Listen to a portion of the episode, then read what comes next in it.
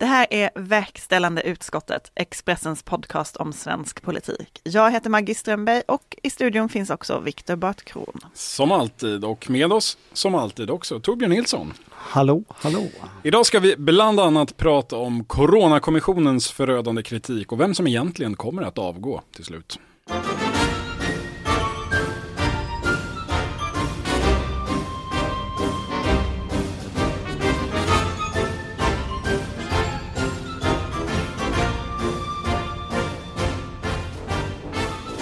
Igår kom ju alltså Coronakommissionens delrapport om äldreomsorgen. En av de saker som Stefan Löfven har sagt att vi får vänta på innan vi riktar någon kritik. Igår när han fick fråga om den hade han dock inte hunnit läsa den än, så att vi väntar fortfarande på att få ställa de här frågorna.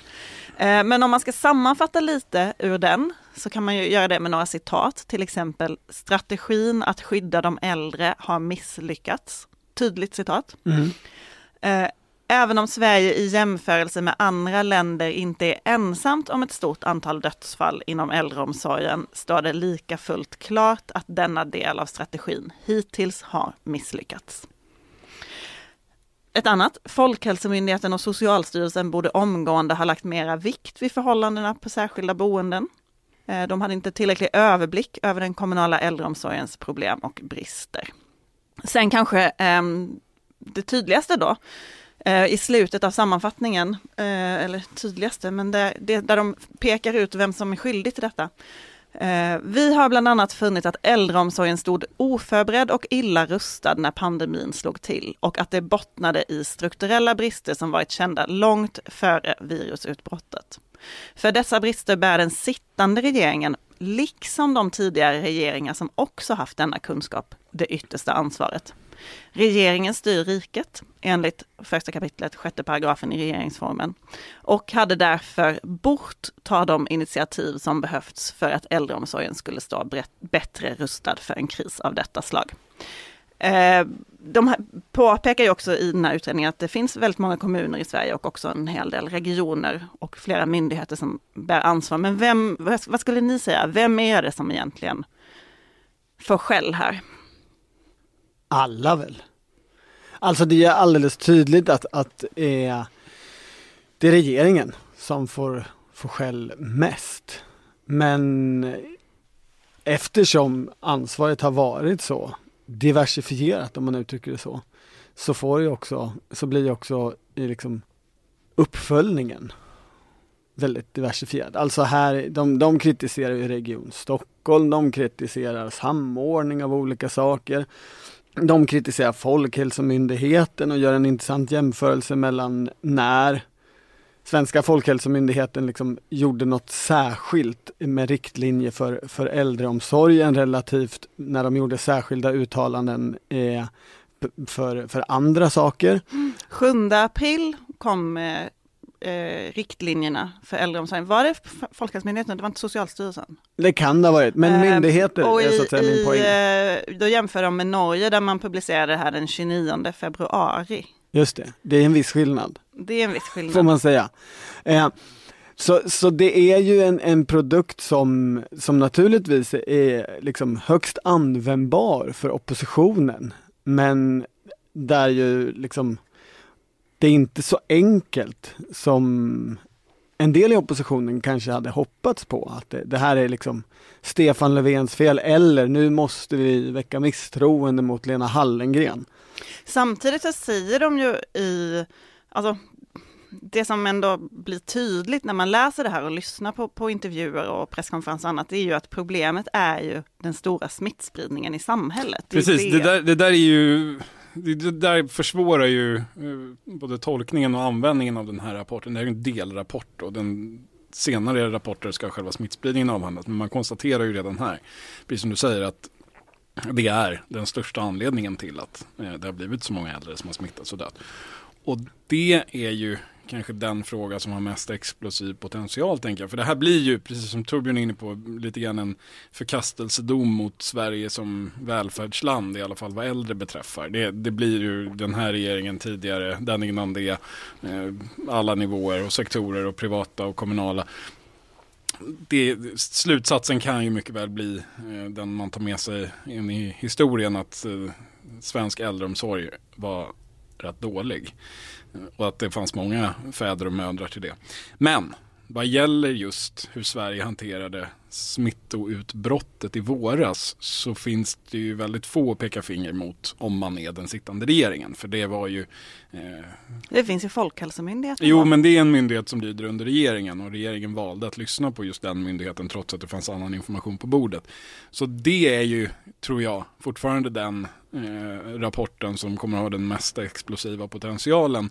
Den här stärker ju snarare caset inför den rapporten genom att tala om att det här blev fruktansvärt bedrövligt, eh, vilket i huvudsak berodde på den stora smittspridningen. Så man kommer med rapporten om den stora smittspridningen, då kan det bli farligt på riktigt. Det finns ju något som liksom hela tiden har varit udda i att man har sagt att strategin är att skydda de äldre, för det är ju ett mål, det är ju inte en en, en strategi. Strategin måste ju vara åtgärderna för att hålla smittan nere eller för att skydda de äldre. Och det blir också intressant när man läser eh, den här rapporten. Det är ju många kända saker som framkommer, men när man ser dem ihop, eh, det fanns ingen skyddsutrustning, äldreboendena var då inte eh, anpassade, personalen inte utbildad, eh, befolkningen var för trångbodd. Alltså det finns ett antal saker här som man tycker borde ha varit underlag för strategi kanske snarare, som borde mm. väglett men som hela tiden tycks komma som överraskningar för både regering och folkhälsomyndighet. Trots att det har varit känt i decennier hur det sett ut i äldreomsorgen. Just. Och den aspekten av det är väldigt svår att svära sig fri från eller peka på, på någon annan eh, nivå eller eh, tidigare aktör i sammanhanget. Mm. Det är ju väldigt politiskt laddat kring den här rapporten. Eh, varför kommer den egentligen just nu, Maggie? Ja, men det var ju när den här skulle tillsättas så var det ju strid om, om när den skulle komma bland annat. Eh, regeringen ville ju att den skulle alltså att kommissionen skulle presentera sitt resultat efter valet. Eh, oppositionen krävde före valet och kompromissen blev då, förstår man, när man pratar med, med människor som var insatta, att den skulle fram så snabbt som möjligt, vilket verkar ha gjort det lite eh, stressigt för kommissionen. Den har ju också blivit försenad, den här första delrapporten.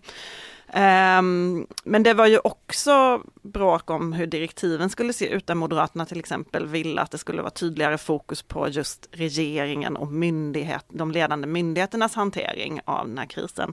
Eh, Socialdemokraterna ville gärna ha Eh, människor med partipolitisk bakgrund i kommissionen. Det ville Moderaterna absolut inte och blev eh, ganska arga över. Ehm, så att det, och det fanns ju en majoritet i riksdagen, alltså regeringen hade ju inte majoritet i frågan om hur den här kommissionen skulle se till. Så detta har ju kommit till i förhandlingar med alla riksdagspartierna. Men Moderaterna har ju ägnat sig ganska mycket åt just, eh, vad ska man säga, formkritik kring den här kommissionen. Det gjorde de ju även när den lanserades igår. Jag vet inte om ni la märke till detta? Eh, jo då, jo, jo. Nej, men, jag tänkte, jag tänkte på, på själva, själva det sceniska, alltså iscensättningen av det hela. Ja Så men precis, morgonen ju... började ju med att, att Moderaterna var upprörda över att Lena Hallengren var med på pressträffen. Det var ju, men det måste man ju ändå ge, alltså det, det var ju en nästan beundransvärd skamlöshet i det. Att nu ska liksom den oberoende kommissionen presentera sin liksom, dom. Och denna pressträff inleds med att Lena Hallengren eh, står på scenen och sitter eh, kommissionens ordförande på en skärm uppe i hörnet med, utan mikrofonen på medan Lena Hallengren står och förekommer alla slutsatser genom att presentera två utredningar. Och, eh, nu ska vi bygga världens bästa äldrevård. Och, ja, så då var det klart. Nu kan vi släppa in min sekreterare där uppe i hörnet. Jag, jag det, det fanns inte... något roligt i Ja, absolut. Även från det, ett oberoende perspektiv. Jag säger inte emot det. Jag tror kanske att det är roligare för, från ett oberoende perspektiv. Eller snarare så här, jag tror kanske att det är problematiskt för Moderaterna att de eh, underminerar denna Eh, kommission och presentation av den. Aha, du tänker så. Eh, när den innehåller så skarp kritik mot regeringen, att man inte istället försöker använda den kritiken. Och men men gjorde man verkligen det eller, eller är det nu några är det några tweets ni har i åtanke nu eller var det? Ja, men det är väl, jämför, är det verkligen någon bild det är väl jämförelsen med Hirschfeldt som man gör det. Men, Aha. vi, det är, men det jag tänker på, alltså jag ringde lite på det där och det verkar inte ha varit någon liksom konflikt mellan kommissionen och departementet om hur det här skulle presenteras och vem som skulle stå var och sådär. Och jag tycker att det är lite symptomatiskt. Alltså grejen är ju, som jag försökte fara efter lite i början, det här är naturligtvis jättejobbigt för regeringen. Det är ashård kritik mot regeringen. Men inget oppositionsparti har ju liksom position att kunna använda det eller förmåga att liksom använda det särskilt ordentligt, åtminstone inte vad vi ser än. Och när då det största oppositionspartiet, det som strävar efter att liksom statsministerposten, när deras huvudkritik, eh, den som kommer ut i alla fall, den här dagen när det här presenteras är först att Lena Hallengren är med på presskonferensen och därefter att Lena Hallengren kallar eh, Mats Melin vid förnamn. Hon sa ju något tillfälle under presskonferensen Mats och inte Mats Melin. Eh, det, om det är huvudkritiken från det ledande oppositionspartiet, säga, då är det ganska det? fattigt faktiskt. Var det det? Om det var huvudkritiken, ja. vilken annan kritik har man framfört?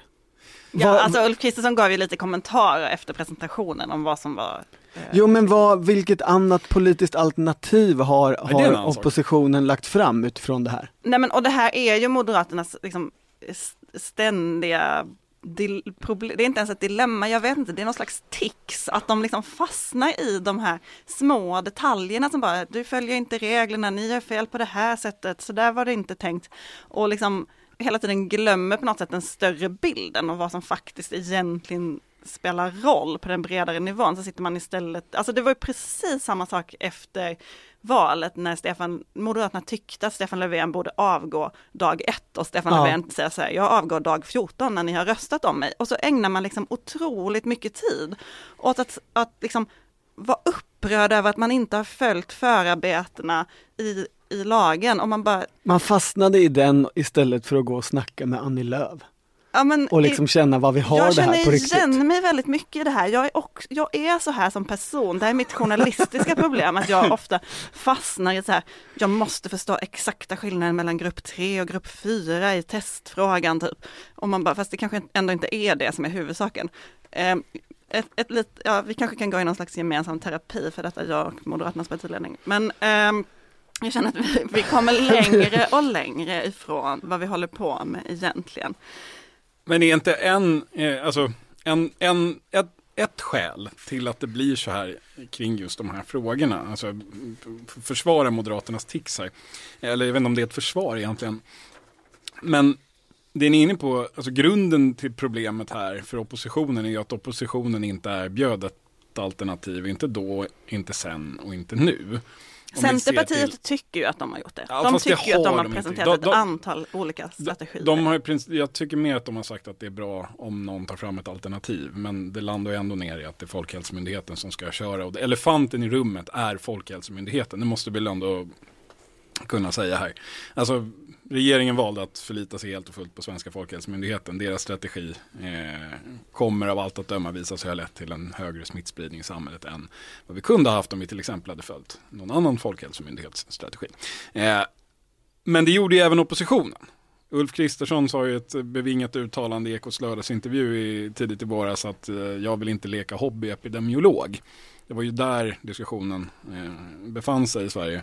Att den som ifrågasatte eh, de svenska ledande experterna var en hobbyepidemiolog och därför eh, någon slags samhällsfarlig populist. Det var, det, var, det var tesen i de centrala kretsarna där ett tag. Eh, den enda som försökte bryta det där var ju Jimmy Åkesson, men han sköt in sig på fel fråga och ville stänga skolorna. Som sen, eh, det, det som har nu formats ett nytt konsensus om att det var rätt. Men, men det är klart att det blir ju, det, det blir ju lätt då att diskussionen kanske fastnar i form eller, eller sekundära saker därför att den, den stora, eh, där, där, tycker man väl säga efterhand. Men vad är det ni efterlyser där? Är det liksom, för jag tänker både Ulf Kristersson och, och eh, Anders W Jonsson har ju till exempel pratat om att vi behöver en helt annan teststrategi och smittspara absolut. på ett annat men det, sätt. Ja men det, är, ju mer proaktivt, ja, ja, ja men absolut, men nu pratar vi, nu, nu, nu eh, menar ni lockdown på, liksom? Nej men, nu, ni... nej men nu syftar jag kanske på, på liksom det, den, den här initiala fasen som är ändå det som granskas mest nu. Ja. Alltså sen, visst, vi har pratat om det flera gånger, det, det här coronapolitiken kommer vi att leva med länge och det är de, de borde ha kommit längre, men absolut. Det är, visst har man varit proaktiva när det gäller testning, när det gäller smittspårning och så. Centerpartiet har varit framme kring det också. Eh, men du tänker att man någonstans där i mars, april skulle sagt så här.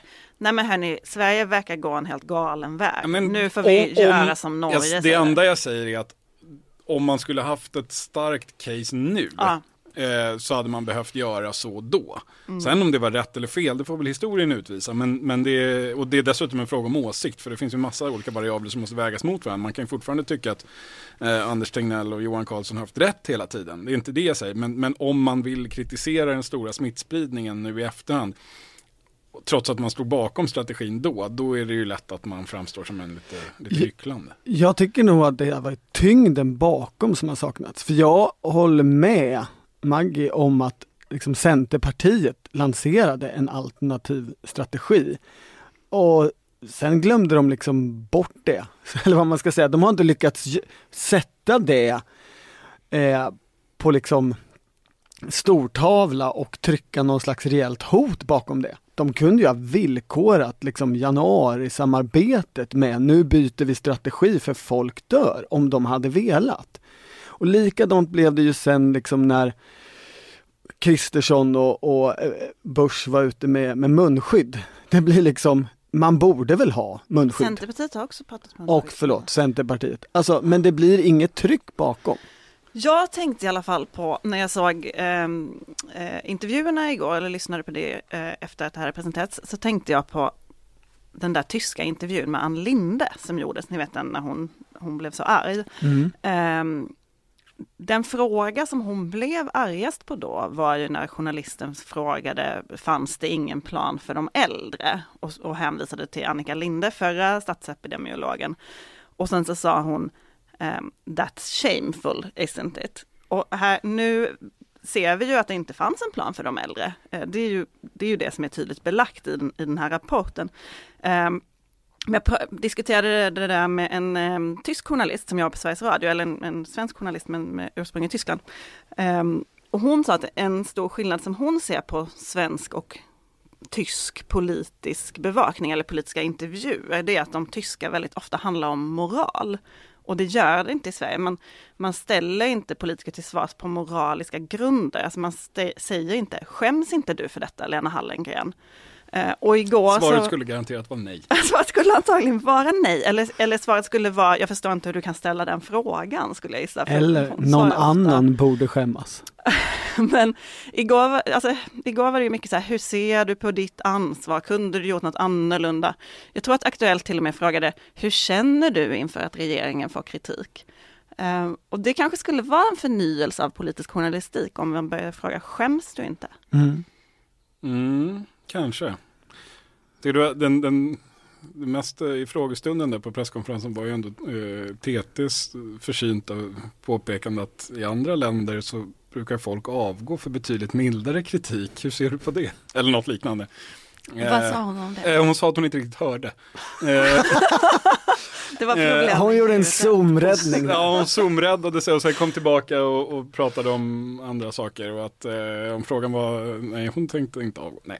Eh, det var väl ingen som trodde heller. Det är inte heller den svenska politiska kulturen att avgå på grund av men jag tänkte ändå att vi skulle prata lite om, om vad som händer nu efter den här rapporten. Mm. Ehm, Torbjörn, jag tänkte på att så länge du och jag har jobbat tillsammans, och det är ju ganska länge, det är snart tio år, ehm, då har det varje gång det har skett en politisk skandal eller en kris, då har du sprungit runt ganska liksom eh, exalterad och skrikit så här, det här kommer bli den nya tsunamin, det här blir den nya tsunamin. Och att eh, för dig är det som, tänker jag, en, en urberättelse om politik i vår tid, som du alltid återkommer till. Eh, är det här nu den nya tsunamin? Det är, möjligen så är det så att det inte bara för mig, liksom, eh, det där är en urberättelse eller en viktig berättelse i svensk eh, närtidspolitisk historia, samtidspolitisk historia.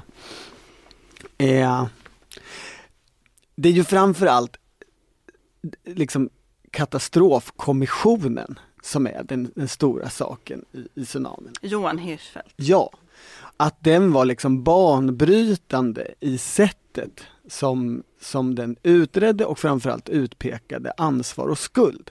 Den gick ner på personnivå. Eh, det, det liksom, I letandet mellan olika personer inne i regeringskansliet så liksom krackelerade Göran Perssons förtroende och regeringsbygge. Och, och därmed var det liksom ganska fin raksträcka för den borgerliga Högforsalliansen. Så den är ju en viktig del av liksom den Reinfeldtska erans maktövertagande. Men jag tänker att här och direkt nu, jag tillhör ju då tvärtom här. Direkt när den här, den här kommissionen utsågs så gjordes det jämförelser till Hirschfeldt och det här kommer bli likadant och så. Och jag tänkte direkt att det tror jag inte. Därför tsunamin var så liksom avgränsad i tid och rum, den var över på några dagar. Och sen eh, liksom gick det alltså, eh, att, att skjuta hårt för oppositionen. För liksom, det fanns inga omständigheter som förändrades, inga fakta som tillkom som vände helt upp och ner på saker. Ja, men... Ja, men nej, de hjälpte ju bara för då fick, då liksom fick det ju en riktig thriller Var är tsunamibanden? Man satt på presskonferenser om liksom, de gömmer sig på, ett, på liksom, i ett rum här uppe och i något bankfack och jag vet inte vad. Eh, men den här är ju här sker ju en utvärdering under pågående pandemi där så att säga det allmänna kunskapsläget om, om viruset är ju helt annorlunda idag jämfört med för fem månader sedan eller åtgärder och eh, liksom vem har lyckats och vem lyckas inte och sådär. Så jag tänker att om Hirschfeldt-upplägget var att det var så avgränsat i tid och rum och att man skulle just utreda regeringskansliet, då kom man väldigt långt ner i konkretion på vems fel är det? Så det blev liksom eh, Lars Danielsson eller inte och ner på personnivå, men man kom ganska kort på vad gör man åt det här för framtiden? Man kom till liksom, vi borde ha någon slags krisenhet och den borde väl ligga på statsrådsberedningen. Medans jag tror att det är precis tvärtom med den här, den kommer inte komma särskilt långt ner på vems fel är det? Eh, den kommer inte liksom komma till en stor diskussion om är det Lena Hallengren eller Tegnell? Eller... Vem ska bli cancelled? Ja, lite. Det kanske den gör om i, i oktober nästa år när, när liksom den, den större delen kommer. Men, men jag tror inte det. Utan däremot tror jag att den kommer ju med liksom så här mycket stora fel finns det i samhället som jättemånga aktörer har liksom glömt bort, mörkat, försökt slippa undan. Så här, underfinansieringen av äldreomsorgen, eh, hela förvaltningspolitiska systemet som, och dess brister. Det kan bli effekten tror jag, snarare att man inte kan undgå att göra något åt de två sakerna. Men det du tar upp som ändå var, vad ska man säga, det bestående intrycket av eh, tsunamiutredningen, det var ju att den, den slog just på regeringsdugligheten. Mm. Och Göran Perssons regeringsduglighet, Socialdemokraternas regeringsduglighet, är inte detta också vad man kan tänka sig kommer finnas kvar efter det här? Det kan det göra. Samtidigt så, så är det ju Frågan är ju hur betydelsefullt det där egentligen är i väljarnas ögon. Det är klart att det, det kan spela in om, man, om slutsatsen blir, det blir en allmän slutsats att regeringen skötte det här illa. Ja, men det är klart att det kan, det kan vara en, en bidragande faktor till att folk vill pröva någonting annat. Men det är samtidigt, det ska ju fler aspekter till än så. Det, man, man, ska nog inte utgå från om man jobbar för något av högerpartierna att folk ty som tycker att regeringen har klantat till det automatiskt kommer tycka att en regering med Ebba Busch och Jimmy Åkesson inblandade kommer att göra ett bättre jobb eller ens Ulf Kristersson som inte vill leka hobbyepidemiolog.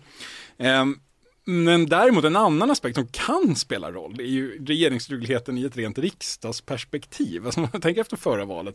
Vad var liksom det är mycket tänkbart att vi hamnar i ett läge efter nästa val, återigen, där det handlar om att vissa partier ska välja sida. Eh, till exempel Centerpartiet och Liberalerna eller något av dem. Det är förmodligen där det kommer landa. Eh, när den, när den saken var uppe senast så var ju ändå Socialdemokraterna och Stefan Löfvens starkaste argument var ju någonstans att stå för stabilitet, liksom duglighet, att det där Kristerssons alternativ var så skakigt. Och, och att och, de inte var SD.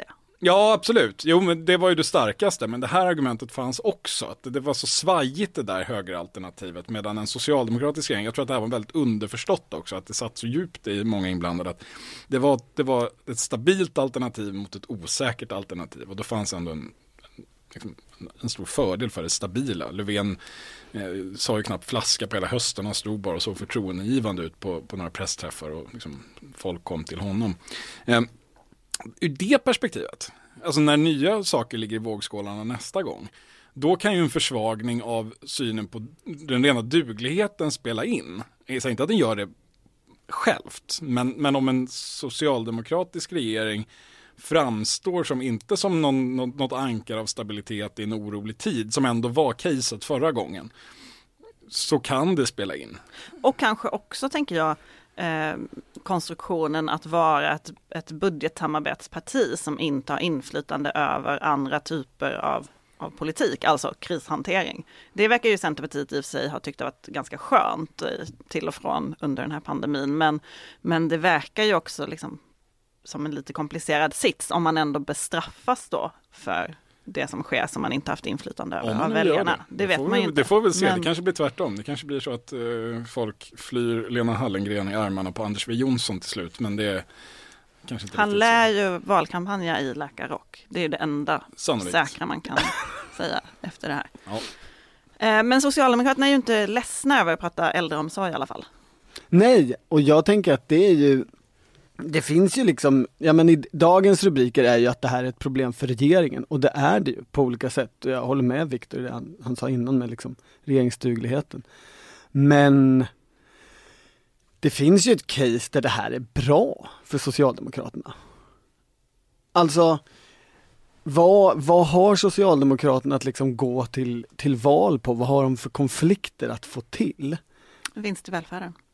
Ja, möjligen. Men vill de, lyckas de ta det dit? Eh, oklart. Eh, här finns det ju ett så här raka spåret, E4, in till liksom favoritkonflikten. Mer pengar till välfärd.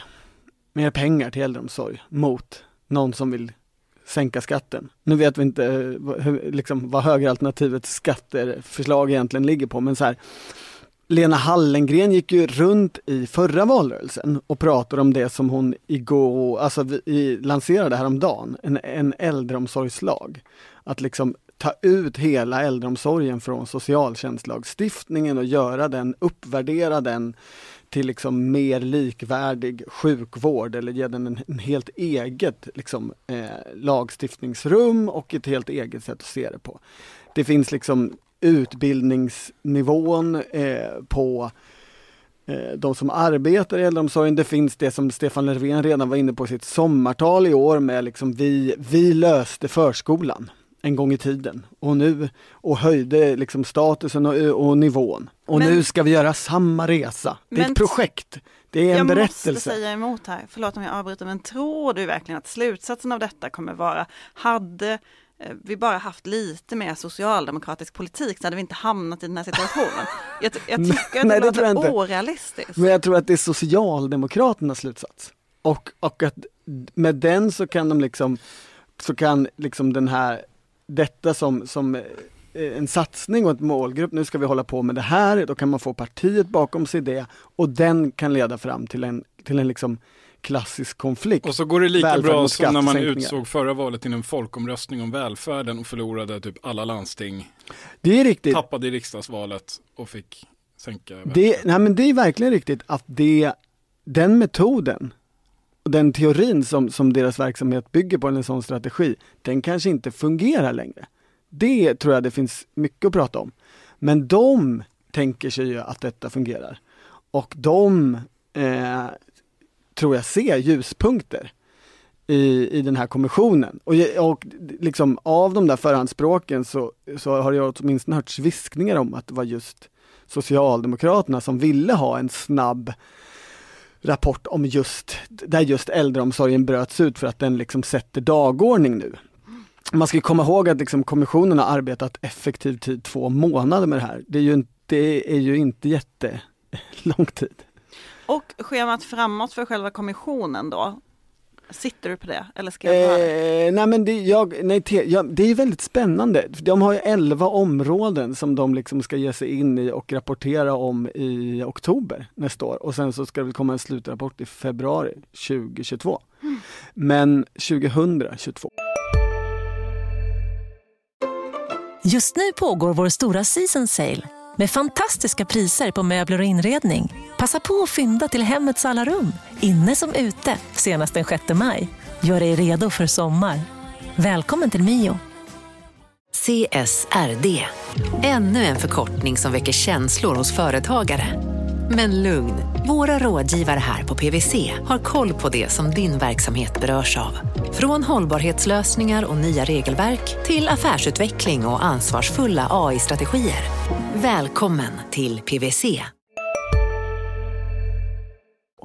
Framför allt det som verkar intressant är att de, de verkar ha ganska liksom höga ambitioner för att kartlägga virusets spridning eh, själva. För annars är ju liksom dilemmat för en sån här kommission, och det tror jag vi kan komma att återkomma till, är ju att man sitter, när det kommer till liksom underlag och data, så, så riskerar man ju att sitta i Folkhälsomyndighetens händer lite. Eh, knä kanske det heter. Det har du rätt i. Men eh, det verkar väldigt kul att jobba med det där. Jag, det är inte en jobbansökan, men vi, vi får tillsätta veta. en egen. Bra idé. Just det, det det är det som är journalistik. I fredags meddelade Fredrik Federley att han lämnar alla sina politiska uppdrag. Han gjorde en lång intervju med Avesta Tidnings chefredaktör Gabriel Erling, som ju är tidigare känd som liberal ledarskribent. Chefredaktör för Liberal Debatt har han varit, tror jag. Det tror jag också. Mm. Han, eh, Fredrik Federley gav ju där en förklaring som man kanske kan sammanfatta med att han eh, ansträngt sig för att leva i förnekelse och inte ta reda på detaljerna kring detta trots eh, en del varningar från olika håll. Sen också att han har mått väldigt dåligt efter flera privata motgångar och att den här personen eh, blev ett viktigt stöd. Det framkom ju också att han har haft problem med självskadebeteende och att han mår väldigt dåligt och nu lämnar sina politiska uppdrag för att kunna tillgodogöra sig den eh, vård som han behöver. Um, Annie Lööf kommenterade ju det här ganska snabbt på Twitter där hon skrev att det är ett klokt beslut av Fredrik Federley att lämna sina uppdrag för att fullt ut fokusera på sin hälsa. Det som, har, det som hänt har medfört enorma svårigheter för Fredrik att fortsätta sina nuvarande politiska uppdrag. Det är en personlig tragedi och är oerhört sorgligt. Och från det meddelandet så låter det ju som att det inte alls är över för Fredrik Federley, tycker jag. Du tänker på det här med nuvarande? Ja, nuvarande politiska uppdrag? Nej men det finns ju både den saken som är oklar. Där vet man ju inte om det liksom är om Annie Lööf formulerar sig så för att liksom vara snäll och ge en öppning. Eh, eller om det är liksom, vad det betyder, det där nuvarande. Men sen finns det ju också fortfarande frågetecken kring massa omständigheter i själva den process som, som Federley fick frågor om. Alltså hur har han kunnat hamna i sån beroendeställning till den här personen? För det är ju det han beskriver i, i intervjun där i, i Avesta Tidning. Eh, och de, alla de frågetecknen är väl inte uträtade. Eh. Absolut, nej men så är det ju. Ehm, och, och, ehm, Alltså när, ja. när agerade han i tid och varför inte? Och, och det, det han beskriver är ju liksom och hur agerade partiet? Eller liksom, mm. Han beskriver ju en, en situation som är att han är helt solitär tillsammans med den här personen. Eh, som att liksom, det inte finns några andra. Och det är ju intressant. Ja, och det finns ju en del i det tycker jag när man har pratat med centerpartister under de här veckorna. Ehm, så, så fanns det ju, vad ska man säga, tidigt en känsla av att, eh, bland en del som jag pratade med, av att eh, partiledningen är väldigt hårda i sina uttalanden medialt och sådär, det här med att, att eh, förtroendet är skadat och så, utan att man egentligen vet så mycket av, av vad som har hänt. Mm. Um, och jag har sett en del sådana sociala medier-uppdateringar kring liksom hur, hur kan man frias från ett brott man inte själv begick politik och eh, liksom finns, finns otroligt mycket känslor kring detta i partiet och samtidigt hör man ju då att, att eh, Centerpartiets eh, tystnadskultur är ju väldigt stark och att man har fått väldigt lite information i riksdagsgrupp och annat. Mm. Um, och det kan ju bli ett problem förstås när en person som har varit en så nyckelperson och så mycket i fokus försvinner. Mm. Det är ju men vi, om vi utgår från att det är över. Jag tror vi måste göra det. Alltså det är visst att man säger nuvarande, men även om man ser till den historia som han själv beskriver för Avesta Tidning, även om, om man ska ta den på varje ord och utgå från att den beskriver sanningen, hela sanningen och ingenting annat än sanningen, så är det ju en beskrivning av en person som inte kanske bör sitta i Europaparlamentet eller ha några höga politiska uppdrag. Han bör nog verkligen fokusera på att komma på fötter som person. Mm. Och ska nog kanske dra sig för den typen av uppdrag även framöver, är min känsla efter att ha läst den intervjun. Så, ja. Men sen, sen är det klart att Annie Lööf äger ju inte makten att bestämma om Fredrik Federley någon gång i framtiden ska ta sig an ett politiskt uppdrag. Det kan, kan ju bli, gå med i eh, djurens rätt eller någonting. Det, det, kan ju inte hon styra över. Så det är väl, det är väl en human formulering.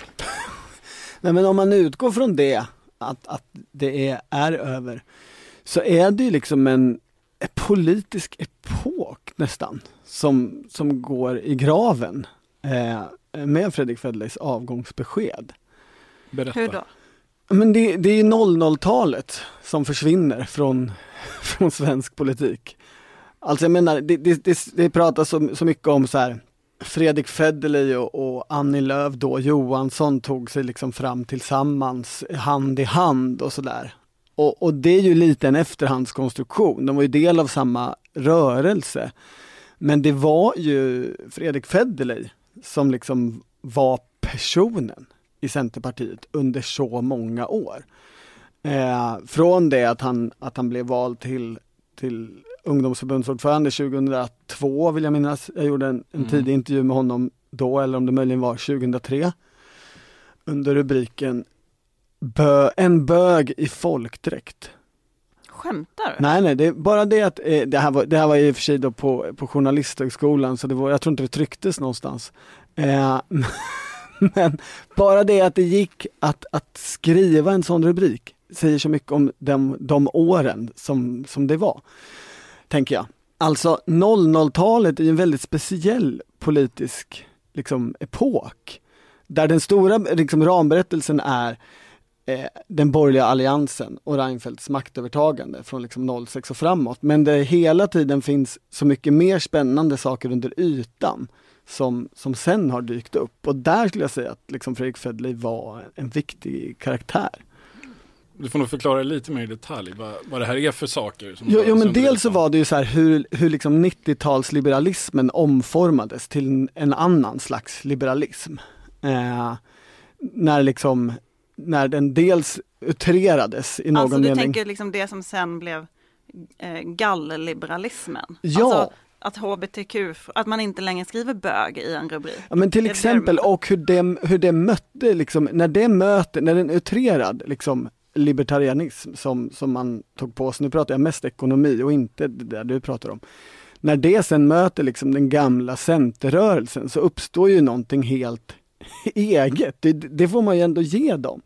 Eh, det, är en, det är liksom en egen eh, häxbrygd. Eh, och det stod ju liksom det, det, fanns ju krafter sedan innan, högskoleförbund och Stockholmscentern och sådär, men personifieringen och den som drev det där längst var ju Fredrik Federley. Men också en, under hela 00-talet så var ju liksom antietablissemang en väldigt stark underliggande drivkraft.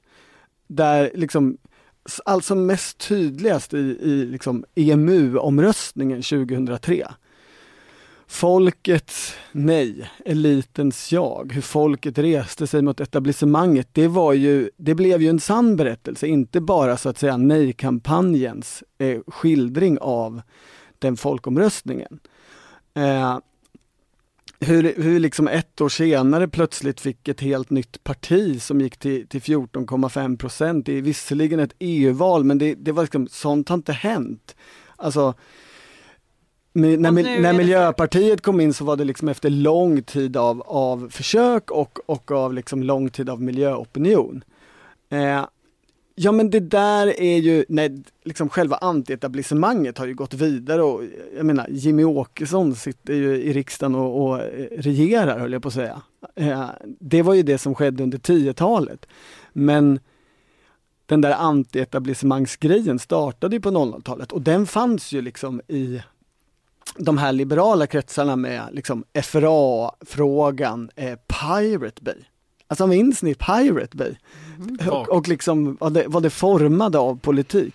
Men eh, pratar man 00-tal så är det ju också episkt på ett sätt att det är just en 00-talsjournalist som hade det här avslöjandet. Eller är han en 90-talsjournalist? Nej, storhetstid är väl ändå på 00-talet. Ja.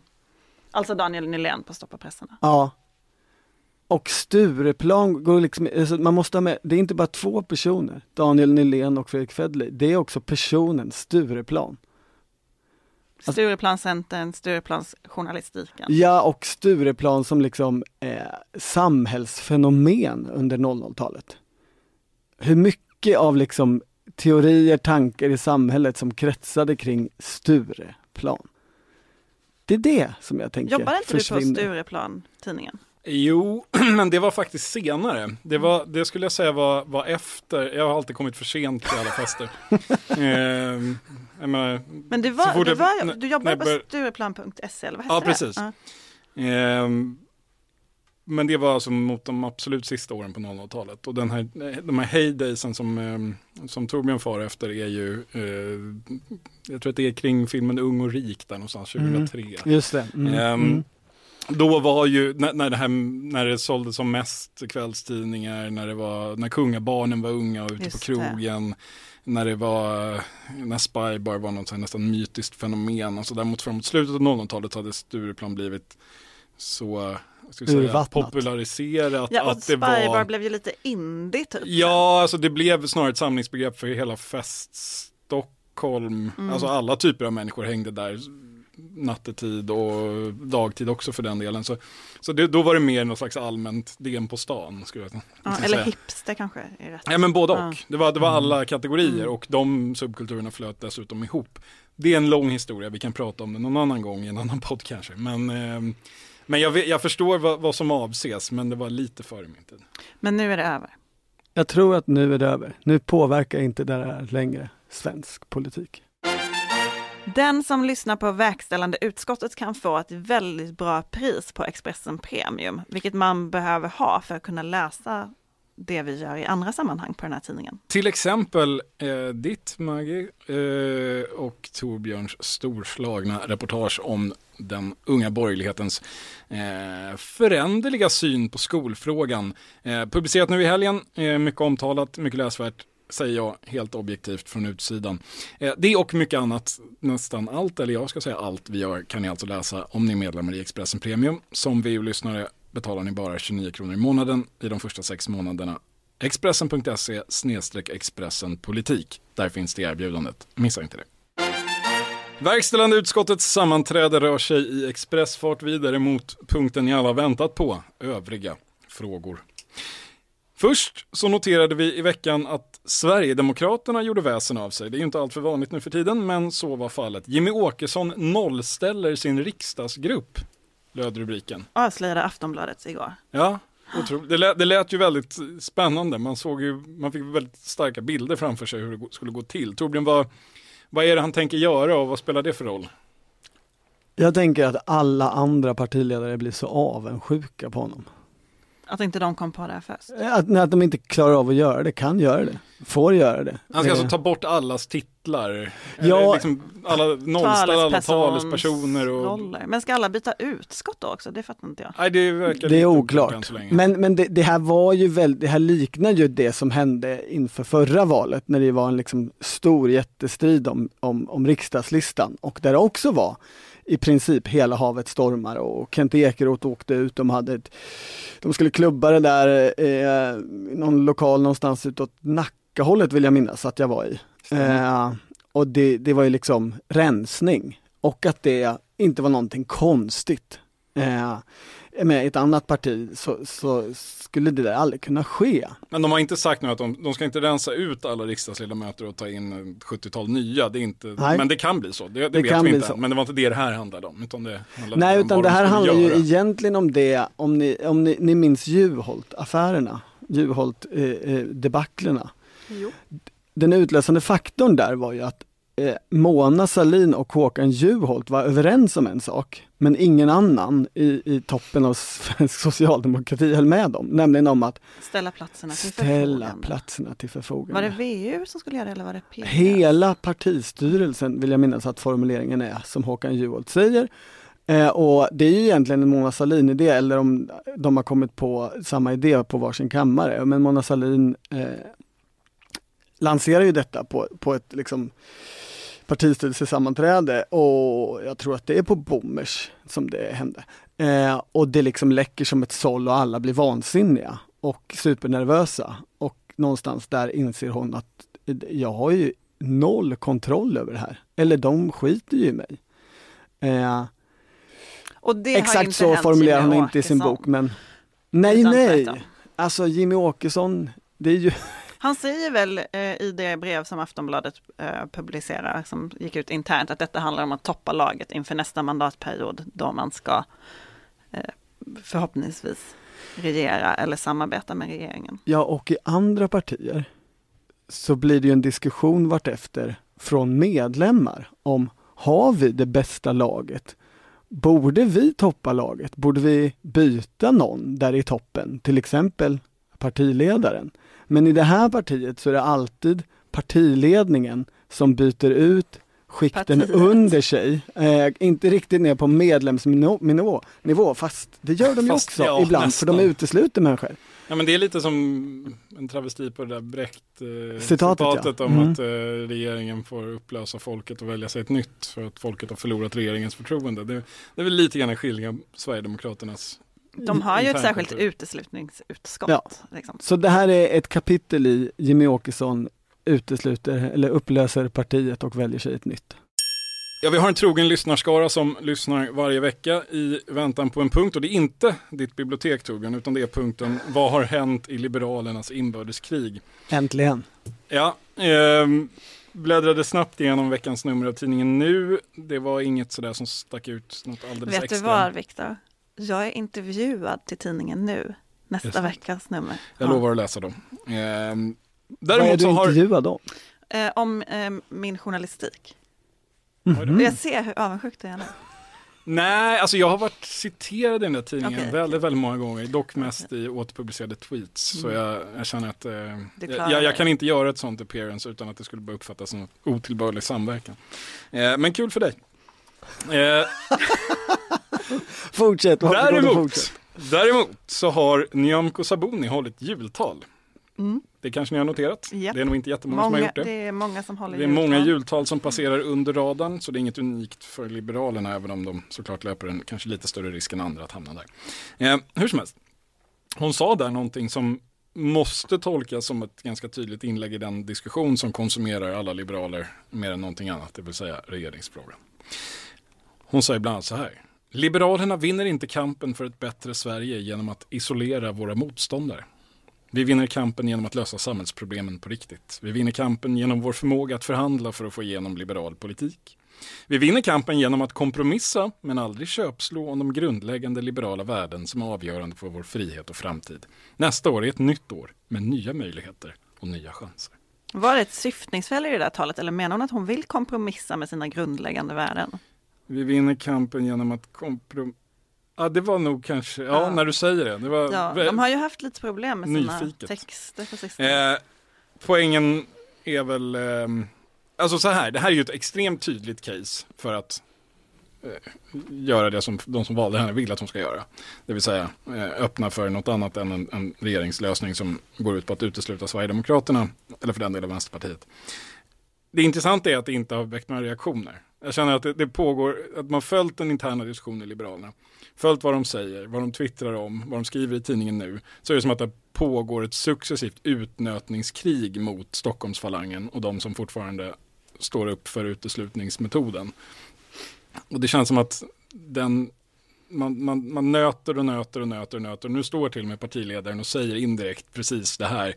Och jag har fortfarande inte sett en debattartikel till svar från Anna-Lena Johansson. Det var ju för att ni tryckte ner smittan så effektivt för några poddar sedan. Det kan vara det det handlar om. Men, men det var inte eh, meningen att det skulle avgöra striden i så fall. Men, men jag, jag, jag bara noterar detta och lägger det till, till, mm, till mm, handlingarna. Mm. Jag, jag, ser en... Ehm, jag såg dessutom att Robert Hanna, eh, riksdagsledamoten, var ute i, igår tror jag, apropå det vi pratade om tidigare i den här podden och talade om att han tror minsann att Ulf Kristersson hade hanterat den här coronakrisen mycket bättre än vad Stefan Löfven hade gjort. Ingen unik uppfattning från hans sida men ändå så här, nästan övertydlig eh, del i, i, nernötningsstrategin. Kanske kommer hon till slut ha rökt ut alla motståndare eh, innan det där landsmötet. Vi får väl se. Torbjörn och jag skrev ju, eh, i, publicerade i helgen ett eh, långt jobb om eh, skolpolitik utifrån unga borgerligas perspektiv och mm, den här frisko friskoledebatten. Och då var det, handlade det ganska mycket om Liberalerna, Liberalernas eh, nya skolpolitik som Isak Skogstad har eh, lett liksom, utredningsarbetet på riksdagskansliet med. Och när eh, vår chef läste den här artikeln som just handlade om eh, liksom Liberalernas politiska idéer och, och eh, hur det här målet som Nyamko Sabuni har satt upp om att 2030 ska vi inte ha några utsatta områden i Sverige och hur det vägleder partiets politiska arbete. Så där.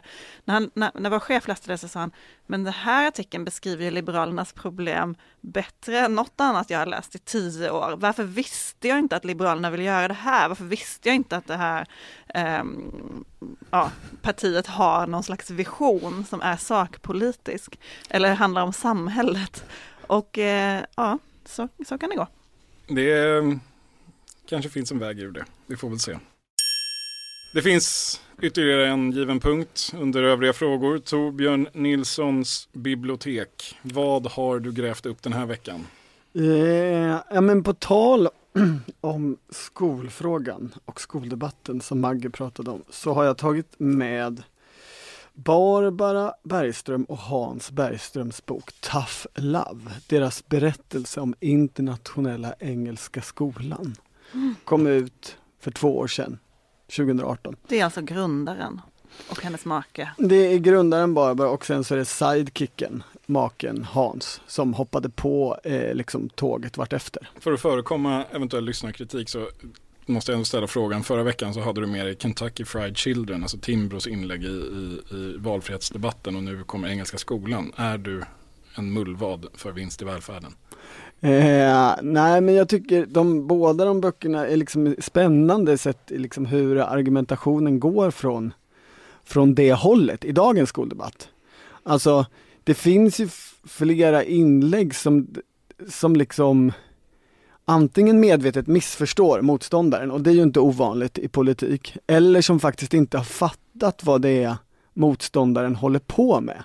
Alltså, i flera av så att säga valfrihetsvännernas inlägg så, så, är liksom hur kan ni kritisera internationella engelska skolan? Det är ju den liksom bästa skola vi har. Den är jätteframgångsrik och den, den har bra ledarskap och bra pedagogik och ungarna lär sig någonting. Det är ju de andra skolorna som ska lära sig bli lika bra som den som vi borde prata om.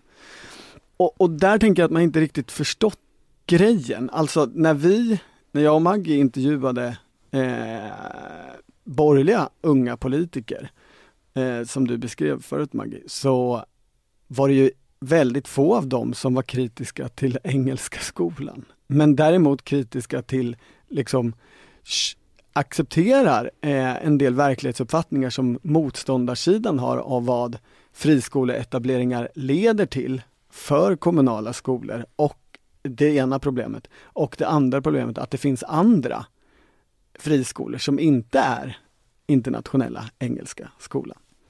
Och att de har liksom problem med betygsinflation och säljer sig på fel grunder och konkurrerar på fel saker. Engelska skolan är ju framförallt grundskole Ja. Företag. Och där har väl diskussionerna handlat just om hur de etablerar sig och att runt om i landet och, och vad, de, vad kommunerna betala dem för det eller ge för hyressubventioner och annat. Precis. Men det, det som man får reda på i den här boken, det är ju eh, framgångsberättelsen. Det är ju en, en riktig Hollywood-story det här.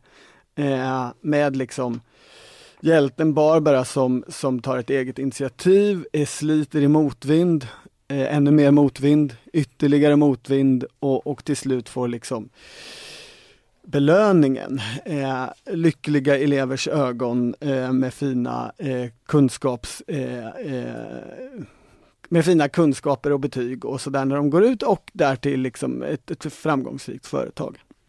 Det är en väldigt intressant berättelse eh, för att se det ur liksom entreprenörssidans perspektiv. Men där, där till exempel en sak som är relevant för debatten är ju, eller jag ska säga så här, men där det i boken ju framkommer saker som gör att ingenting är liksom nytt, ny, nytt under solen i den här vändans skoldebatt från valfrihetsvännernas sida riktigt. Alltså dels så finns det ju i, i Barbara Bergströms världsbild hela tiden och har alltid funnits ett problem av att det är liksom lärarna som behöver köras över antingen eh, liksom rent fackligt eller för att de har fel pedagogisk inriktning. Och i den nuvarande skoldebatten så kommer ju väldigt mycket av trycket från lärarhåll. Inte bara från fackförbunden som, som har eh, tagit tydligare position eller förändrad position, utan från liksom enskilda lärare som, som bildat liksom proteströrelser. Det är en spännande sak. Och När kom den här boken? Den kom för två år sedan, 2018. Och mm. den andra spännande är ju att man hela tiden har en upplevelse av att man befinner sig under attack. Det är det genomgående temat, inte bara då under de så här tidiga jobbiga åren när hjälten ska börja vandra upp för berget. Liksom. Utan det, det, det är återkommande. Eh, alltså, några mellanrubriker på kapitel är så här Politiska attacker, fördomar och falskspel. En annan. Myndigheterna försöker krossa oss. Och jag ska läsa här på sidan 155 om jag lyckas hitta till den. Där står det. Bör, kapitlet börjar med, med, jag läser inte hela meningen för den är jättelång med massa bisatser, men jag läser de första orden. De två första allvarliga dödshoten från Skolverket och då tror man ju eh, som läsare att det är någon galning på, på Skolverket som har skickat sådana här brev med, med liksom utklippta tidningsbokstäver till Hans eller Barbara Bergström. Men det är det ju inte, utan det är, det är ju att någon, de vill reglera någonting på något sätt. Men det uppfattas som allvarliga dödshot. Man är hela tiden under attack och eh, det tänker jag är liksom viktigt för att förstå den sidan i den pågående debatten. Det är den verklighetsbild de lever i och agerar i, så nu upplever de sig åter liksom under dödshot. De riskerar att mördas, försvinna. Yeah. Det är roligt med den där boken, för jag såg i deras remissvar till Åstrandutredningen, mm. så hänvisar de ju till den där boken. Bara, Eh, in, en parentes, typ läs mer i kapitel X i Tough Love. Och de verkar göra det väldigt mycket, ha den som, det är också ganska amerikanskt, tänker jag. Mm. Att man har liksom skrivit sin eh, vision någonstans och så hänvisar man till den. Ja, och det är ju, det är amerikanskt och det är ju eh, man känner igen Hans Bergströms språk, såväl i remissvar som, i, som, i, i, i, som författare till den här boken. Han var ju tidigare chefredaktör på Dagens ja, Nyheter. Va? Det är karaktäristiskt. Eh, och ja, det är kanske ett stickspår. Men... Nej men jag tycker det är spännande. Alltså det är ju en spännande position. Visst är det många som har varit chefredaktörer på DN och SvD som har levt vidare i debatt och samhälle? Ja, så är det ju. Absolut. Absolut. Du, tänk, du tänker nu på när ska Peter Wolodarski sluta vad ska Peter och vad ska han göra då? Sen? Det mm. intresserar mig. Spännande. Jag tänker att han ska, ska bli statsepidemiolog. Jag tänker att han ska ta över Liberalerna. Oj, oj, oj. Nu får Viktor saker att göra. Det vore onekligen en twist. Men är eh, inte Sverige lite för litet? För, för Peter Wolodarski? Eller för ja. Liberalerna? Både och tror jag faktiskt efter nästa val. Han, han, blir, han blir partiledare för Liberalerna och tar dem på export, precis som Hans lagom... och Barbara Bergström har gjort med Internationella Engelska Skolan. Lagom till att Liberalerna bara existerar i Europaparlamentet menar du? och kräver vi måste lägga ner riksdagen. Vi kan inte ha så här. Vi, alltså vi, de existerar väl knappt i Europaparlamentet? Vad fick de? Ett, en? Nej men ett halvår till i alla ah. fall efter nästa riksdag. Ah, ja du menar så ja. Eh, ha, du, känner du dig, har jag, du redovisat nog? Ja, jag, jag, ville bara säga eh, läs den här boken för att förstå ah. en sida i den pågående skoldebatten. Verkställande utskottets möte är då snart slut. Eh, nästa vecka så är vi tillbaka med ett specialjulavsnitt. Missa inte det. Nej, verkligen inte. Till dess, ha det så bra. Tack för att ni lyssnade.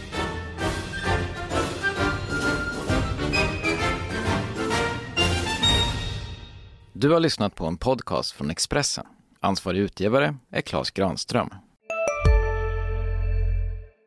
Hej, Synoptik här. Visste du att solens UV-strålar kan vara skadliga och åldra dina ögon i förtid? Kom in till oss så hjälper vi dig att hitta rätt solglasögon som skyddar dina ögon. Välkommen till Synoptik.